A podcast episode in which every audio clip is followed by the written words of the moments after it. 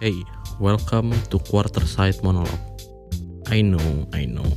Namanya nggak kreatif. Yang mana gue juga bukan orang kreatif sih. So deal with it.